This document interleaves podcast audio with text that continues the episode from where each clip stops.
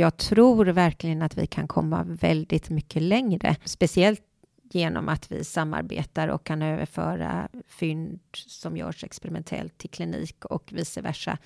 Vårat mål är ju just att vi ska optimera utvecklingen för dem så långt det bara går.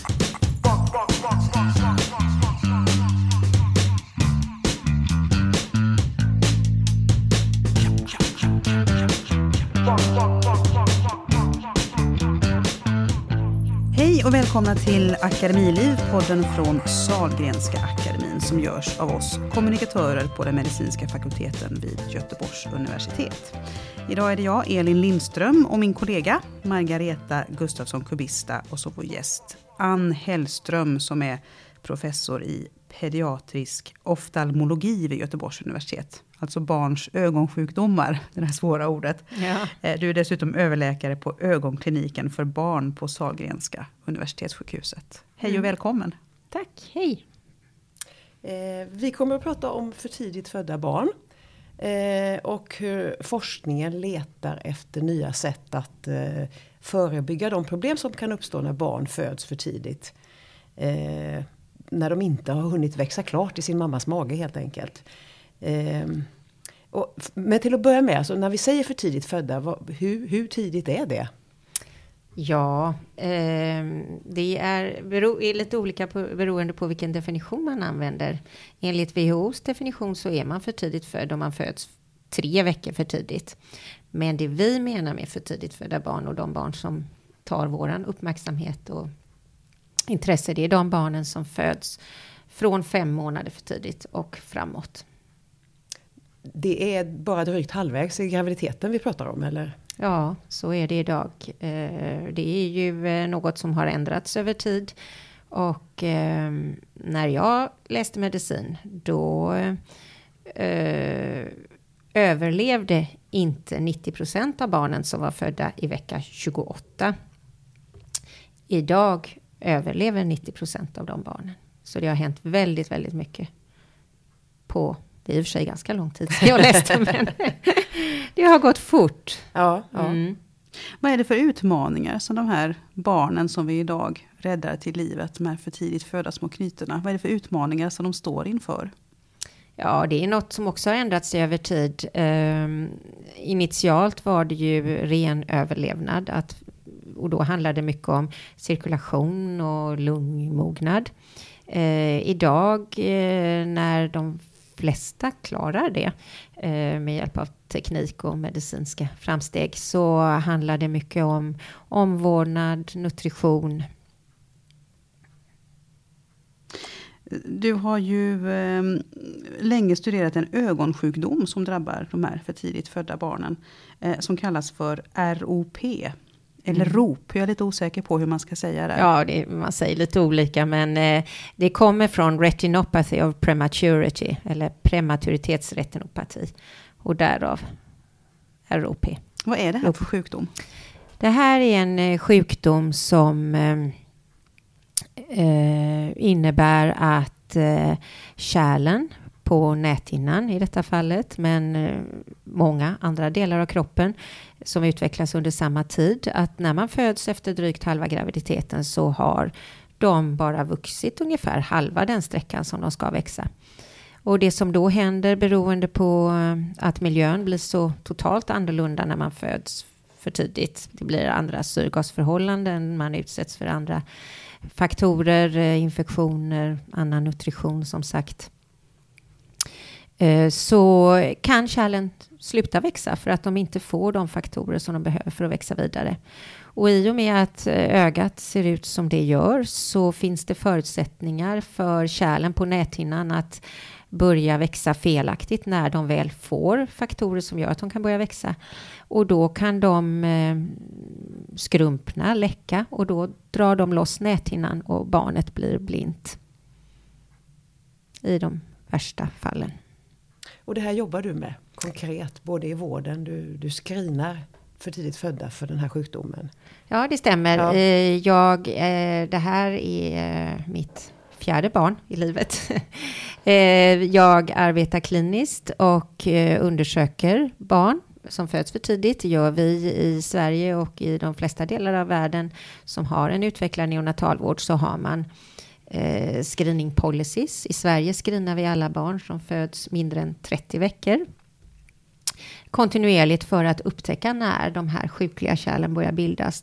Och då går vi in och behandlar med eh, i de flesta fall laser men även kan man ge en molekyl som binder de här tillväxtfaktorerna som gör att kärlen tillväxer onormalt. Och då i de allra, allra flesta fall så brukar det gå bra och det hela lugnar ner sig och man har minskat risken eller tagit bort risken för att barnet ska bli svårt synskadat. Mm. För det här har du jobbat forskningsmässigt mycket med också. Vad, vad är det ni har sett där på forskningssidan när det gäller detta? Eh, våran forskning har handlat om eh, prevention i första hand. Vi har försökt identifiera faktorer som gör att kärlen inte slutar växa. Vi vill att de ska fortsätta växa normalt eh, trots att barnet är utanför den optimala miljön i mammans mage. Så vi har försökt identifiera faktorer som är nödvändiga för en normal kärlutveckling. Och jag skulle vilja poängtera att eh, vi säger kärlutveckling och vi pratar om sjukdomen så som att det är en kärlsjukdom, men i själva verket är detta en, en eh, neuronal sjukdom. Alltså, ögat är ju en del av hjärnan och kärlen på näthinnan växer för att de neuronala komponenterna, syncellerna, eh, behövs. Så att eh, i själva verket så är det kanske faktorer som är viktiga för att eh, hjärnan ska utvecklas optimalt. Och vad är det man behöver addera när barnen föds så här tidigt? Och det är jättemycket. Det är väldigt mycket och, och vi är ju, krafsar ju bara på toppen av ett isberg. Men det vi har identifierat är vissa tillväxtfaktorer som är väldigt centrala för fostrets utveckling. Och eh, också vissa byggstenar som är eh, viktiga, såsom vissa till exempel fettsyror som behövs för att bygga membran och komponenter för hjärnan och kärlutveckling. Vad är det för någonting till exempel som barnen behöver då? Till exempel så är det eh, nödvändiga fettsyror såsom eh, omega-3, DHA och även en omega-6 arachidonsyra som eh, vi vet att dessa faktorer, fettsyror, transporteras aktivt från mamma under fosterlivet till barnet. Och när den här transporten eh, avbryts i samband med förlossningen så är det så att de här eh, parenterala lösningarna, fettlösningarna som är framtagna för vuxna, att de inte innehåller de komponenter av just de här faktorerna i den mängd som ett växande foster behöver.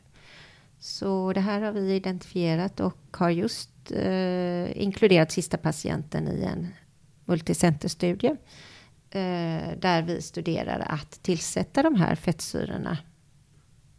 Går det, går det att kompensera? Ja, det får ju eh, utfallet av den här studien visa, men eh, vi tycker oss se att vi eh, lyckas påverka nivåerna i blodet när vi ger den här, de här två fettsyrorna i munnen från födelsen hos de här allra minsta barnen. Mm.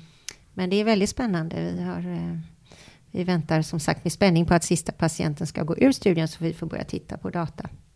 Och så får vi se ett resultat av detta om något år kanske? Eller? Nej, nej, nej. Det ska gå fortare. ska gå fortare. ja. Ja, ja. Förhoppningsvis efter jul någon gång. Ja, ja. Mm.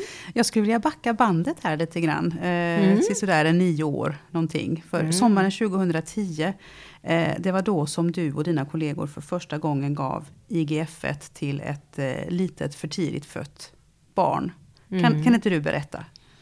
Ja, det stämmer. Eh, vi hade sett att eh, tillväxtfaktorn, insulin-like growth factor 1, eller IGF-1 som den kallas, eh, är en och som är en väldigt viktig fetal tillväxtfaktor, att den var kopplad till sjuklighet hos de allra minsta barnen. Vi hade då en hypotes att om vi kunde ersätta den i precis de nivåer som barnet exponeras för om det hade legat kvar i mammas mage. Om vi möjligen då skulle kunna minska sjuklighet hos barnen. i första hand då förstås den här sjukdomen som jag är intresserad av, ROP, men även andra sjukdomar som är kopplade till dålig kärlutveckling under just den här tiden, såsom som lungsjukdomen, bronkopulmonell dysplasi eller BPD och hjärnblödning. Eh, och eh, just juni 2010 så behandlade vi första barnet med en kontinuerlig infusion av det här läkemedlet. Hur var det? Oh, det var eh, hemskt för mig som ögonläkare. Neonatologerna som var inblandade, de var mycket lugnare. Men jag är ju inte så van vid intensivvård. Eh, så att eh, ja, vi spenderade väl nästan 24 timmar eh, genom, ja, och satt och tittade på barnet när den fick den här infektionen. Det var väldigt speciellt av många olika anledningar. Bland annat gifte sig Victoria samma dag. Så att eh, det firades runt om i landet. Och eh, vi kände väl också att vi eh, ville hänga på det när vi såg att allting gick bra. Mm. Mm. Att allting gick bra, vad, vad menar du då? Ja, i första hand är det ju säkerheten som är i första rummet och att, att vi såg att barnet tolererade det här fint. Då kunde vi förstås bara bedöma de sakerna vi kunde se just akut då. Men att vi inte såg någon som helst påverkan på i första hand blodsockret som är det man kunde förvänta sig kanske att man kunde påverka. Men även alla andra faktorer som andning och blodtryck och hur barnet kissar och bajsar och framförallt hur det mådde. Mm. Att vi såg ingen som helst negativ påverkan. Mm. Och det här är då alltså eh, lite drygt nio år sedan som eh, ni gav IGF-1 då för första gången till ett för tidigt fött barn. Och sen dess har det hänt ganska mycket. Ja, sen dess eh, har det hänt mycket. Vi, det var ju eh, första barnet då som vi gav en dos under något dygn och sen ökade vi successivt på, eh, do, inte ökade dosen, men vi ökade på tid, expositionstiden eh, i samråd med Läkemedelsverket förstås och eh, i samråd med att vi kontinuerligt förstås tittade på all säkerhet. Och eh, till slut hade vi behandlat eh, 14 barn och ungefär lika många kontroller för att jämföra utfallet med och eh, detta var 2013. Då togs projektet över av ett eh, amerikanskt läkemedelsbolag som heter Shire eh, som tog studien vidare och gjorde en ny fas 2 prövning. Eh, 60 plus 60 barn där man hade eh, ökade dosen och där man då såg eh, på resultaten att eh, man såg framförallt effekt på eh, lungsjukdomen. Man såg en, en halvering av antalet fall med, med svår lungsjukdom och även eh, en trend till minskning av hjärnblödning. Och därför har man eh, nu i maj startat en ny stor multicenter fas 2B-prövning där 600 barn ifrån faktiskt större delar av världen, Asien, Europa, Amerika inkluderas för att eh, studera om man får samma resultat i en större studie. Så, så er forskning, eh, naturligtvis i samarbete med många andra forskare förstås, ja, men, men, att det ändå ligger till grund för ett kommande potentiellt läkemedel som kan hjälpa utvecklingen av både eh, lungor och hjärna och ögon för, för de här för tidigt födda barnen. Ja, faktiskt. Och även eh, metabolismen, alltså hur, hur de här barnen hanterar eh, ämnesomsättningen. För det har man sett att den också påverkas mm. positivt av här, den här tillväxtfaktorn. Ja, i bästa fall. När man pratar om, du säger hjärna, lungor, metabolism, ögon. Har man liksom ringat in de viktigaste sakerna då som är problematiska för, för, för tidigt födda?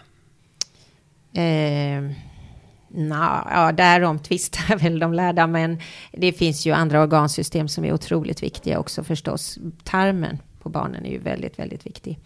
Och eh, där skulle man väl kunna tänka sig att eh, läkemedlet ges ju nu som en kontinuerlig infusion i blodbanan, men eh, det är säkert så att hade man kunnat också administrera den enteralt, det vill säga att barnen hade fått i sig den här faktorn genom eh, bunnen, vilket den får när den, barnen får mammas bröstmjölk, så hade det också varit bra säkert. För det här är ju en faktor som säkert påverkar tarmens utmognad också. Mm. Vilket är ju är viktigt för att barnen ska kunna ta emot nutrition.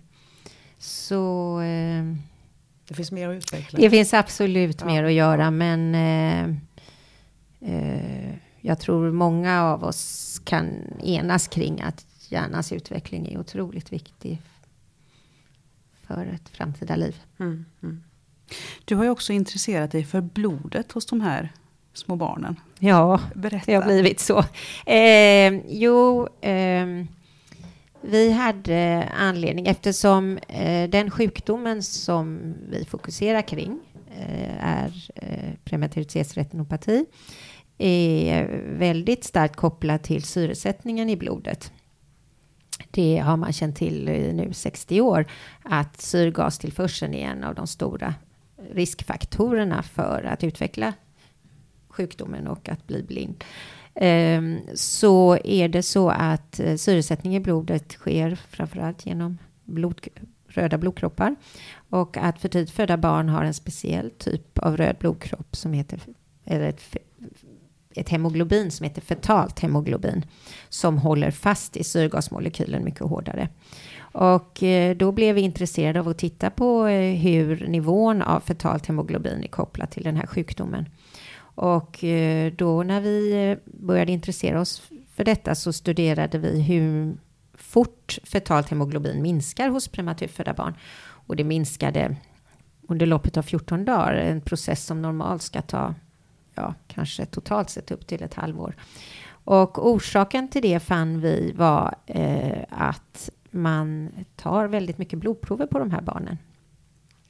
Närmare bestämt eh, knappt 60 procent av blodvolymen tas för att studera olika faktorer i blodet. Man tar alltså mer än hälften av de här små mm. barnens blod i blodprov? Ja, under första 14 dagarna. Ja, det chockar nog många och eh, men det blir ju så eh, att när man kan mäta saker så gör man det och så har man inte riktigt tänkt på att de här barnen kanske väger alltifrån 350 gram och då ska man göra samma typ av analyser som man gör på oss mm. som väger betydligt mer. Eh, trots att det finns mikrometoder. Eh, och då eh, tänkte vi att det är klart att det finns andra faktorer i barnets blod som är viktiga för utvecklingen. Som där vi, vi vet idag att vissa faktorer, just tillväxtfaktorer, är betydligt högre i barnets blod än i vuxenblod. Och det är klart att tar vi blod så ersätter vi barnets blod med vuxenblod, både blodkroppar och vuxenplasma. Och eh, vi har nu en studie som vi eh, fick eh, pengar från Vetenskapsrådet där David Lay, neonatolog, professor i Lund, är koordinator där vi vill minimera blodprovstagningen med hjälp av mikrometoder som finns och som används när man gör till exempel experimentella studier på smådjur så vet vi att vi kan analysera väldigt mycket faktorer med väldigt små volymer. Och nu vill vi implementera det i Lund, Göteborg och Stockholm och se om vi eh, minskar sjuklighet hos de allra minsta om vi låter dem ha kvar sitt eget blod. Mm. Du, sa, du sa att det här eh, neonatala hemoglobinet, nej? Fetala. Fetala, ja. det fetala hemoglobinet. Ja. Att det vanligtvis finns kvar hos nyfödda barn under ett halvårs tid. Ja, det tar ungefär när man föds i fullgången tid så tar det ett tag för barnet att eh, börja producera adult hemoglobin från det fetala och man kan mäta nivåer av fetalt hemoglobin upp till ett halvår normalt sett. Vet ni hur länge det här fetala hemoglobinet kan tänkas vara kvar hos ett för tidigt fött barn?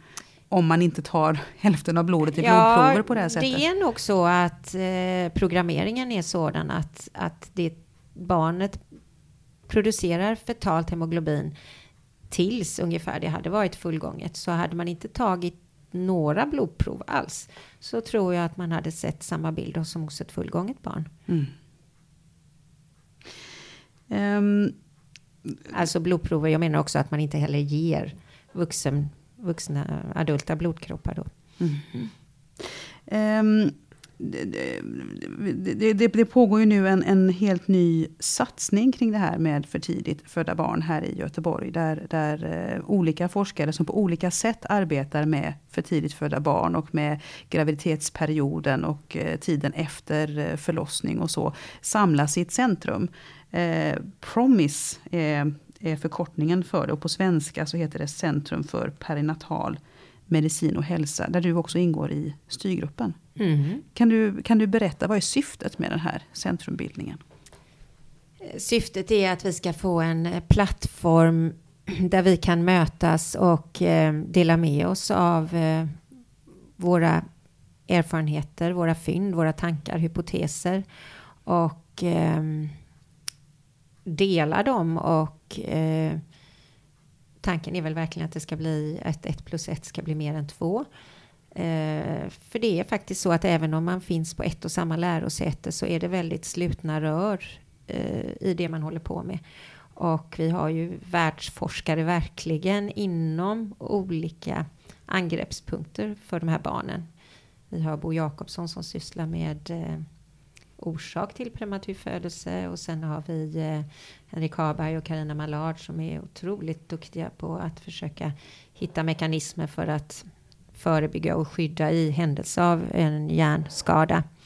Och så har vi neonatolog Karin Säman som är väldigt duktig på uppföljning. Och så är det våran angreppspunkt och sen har vi en väldigt stark barnmorskeforskning som eh, vi tillsammans så tror jag vi kan eh, ja, att det finns möjligheter för nya angrepp och att man får möjlighet att se saker från andra perspektiv och få idéer och, och också i forskningsprojekt som pågår hos kliniska studier att vi faktiskt har möjlighet att bjuda in då forskare i den här gruppen som kan vara med och studera faktorer som vi inte har tänkt på som kan vara väldigt viktiga. Mm. Och en av de här forskarna som du nämnde, Bo Jakobsson, vi har ju en, eh, ett avsnitt med honom som vi har gjort mm. tidigare.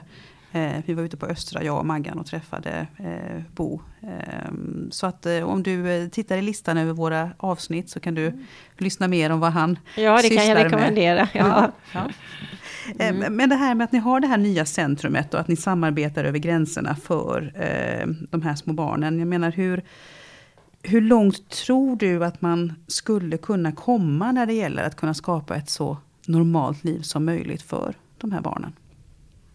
Ja, det blir ju något av en filosofisk fråga, men och vårat mål är ju just att vi ska optimera utvecklingen för dem så långt det bara går.